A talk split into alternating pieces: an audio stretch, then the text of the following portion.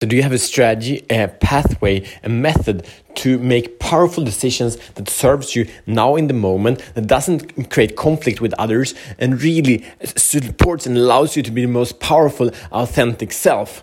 So, I will share with you a, powerful conversation I had with a, with a man today, and that through that he could discover how he'd been making himself lose in so many areas in life and how he with this method of creating powerful decisions could really transform his life. So welcome to show the fuck up podcast. My name is matt fyron and this show is for men like you and me like dudes men that are ready to free themselves from the prison of playing small and unleash their personal greatness. So we do this in the four areas that creates meaningful life meaning that we are showing the fuck up in the areas of purpose living life of purpose the life of passion being living meaningful and, and beautiful relationships in the area of power, meaning personal power, meaning personal power physical, mental, emotional, and spiritual power. In the area of profit, meaning that we own and master the area of money in business in private. That's how we are showing the fuck up. And every day in this show, you're getting powerful strategies and tactics and perspectives how you can take action to become more of who you are, where you are. stop playing small, stop living a life that is controlled by your fears and living a life from your authentic power of who you are, your values, not my, your values of your authentic self. So, welcome. Thank you for being here. Let's show the fuck up. Are you ready? Are you ready? Okay. uh, uh, let's go. Let's go. Um, so this conversation was beautiful. Uh, this uh, was a, a, coaching conversation with a man who was in the the, the about just make to make massive, huge uh, just totally life transforming business decision. And when he shared about this decision, I picked up on a, a, word or two words that he just used subconsciously. And when while sharing that, it was very clear that he didn't come from a place of power when he was analyzing this decision. So we went deep. We spent about 45 minutes on just basically bringing breaking down these words and the meaning of how he looked at himself and this other person and making this decision.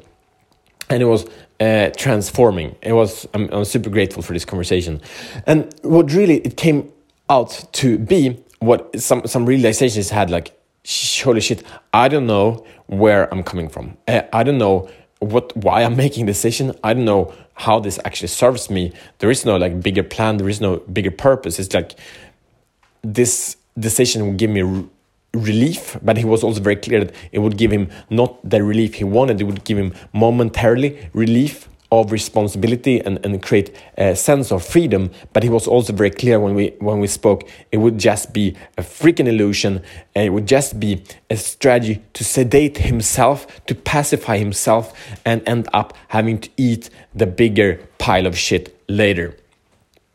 So and this is common because the framework that we have to make decisions is usually created in our you know childhood and that's how we relate to the world and we get presented with offers in days like 3500 offers or images or promotions a day and that's all decisions we have to make so the question here we come from one or two places so most Western men are pleasers. If you don't know what that is, check it out.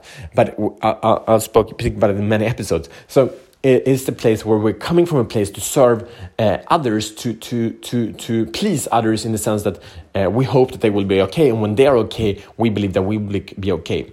The opposite of pleasing, the other part of the spectrum is providing. It's showing the fuck up with authentic power, being this is what I want to, what I want to contribute. I, I'm not, uh, I'm not going to compromise uh, this is the thing I want to give because this I give freaking awesome. I love giving it, and the world loves me when I give it. So I'm gonna give it. If you don't want to receive it, I go somewhere else. You know, that's that's coming from place of, of power. So if this is an opportunity presented to me where I can show the fuck up in the area, in in, in, in with myself, in power, and contribute to create synergy with the other, let's do it. If not, I'm not gonna step into that. I draw a boundary.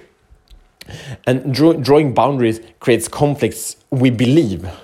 But actually, what happens instantaneously when we draw a boundary is that everyone else relaxes. Like how we create trust in relationships in, in, in, in, in the world is by saying, no, no more. This is where I draw the line physically, emotionally, mentally, spiritually. Here I draw the line.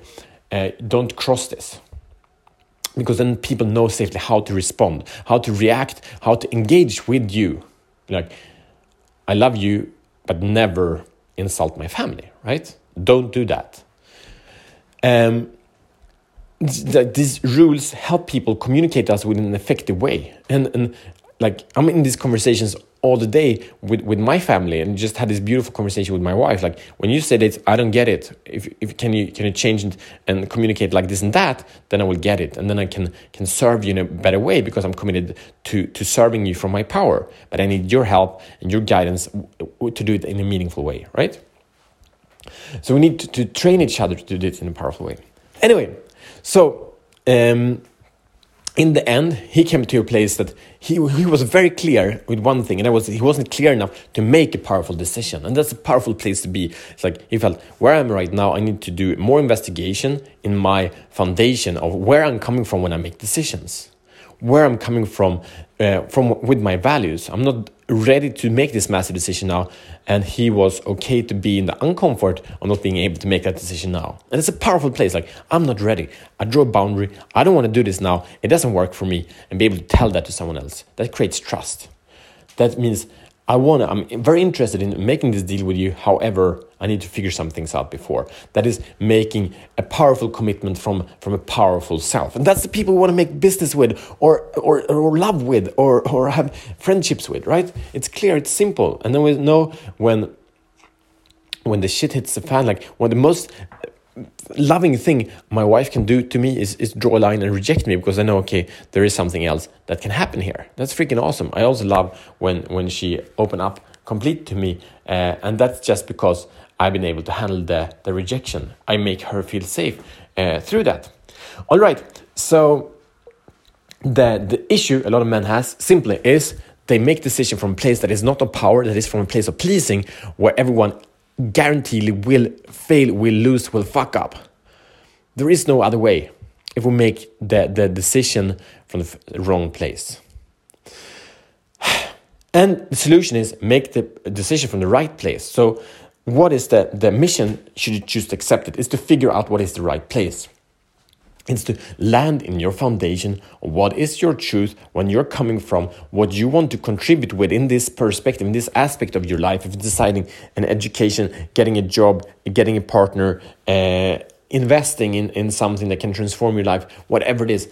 The question is about this Are you, do you know your values, what you can contribute with, and the support you need from your place of power? And power doesn't mean that you have all the answers, doesn't need mean that you know everything. And it's like i'm clear that here is a place i need support. Here's a place uh, i'm really good uh, to contribute. And to be able to contribute with this even more i need more support. That's really powerful.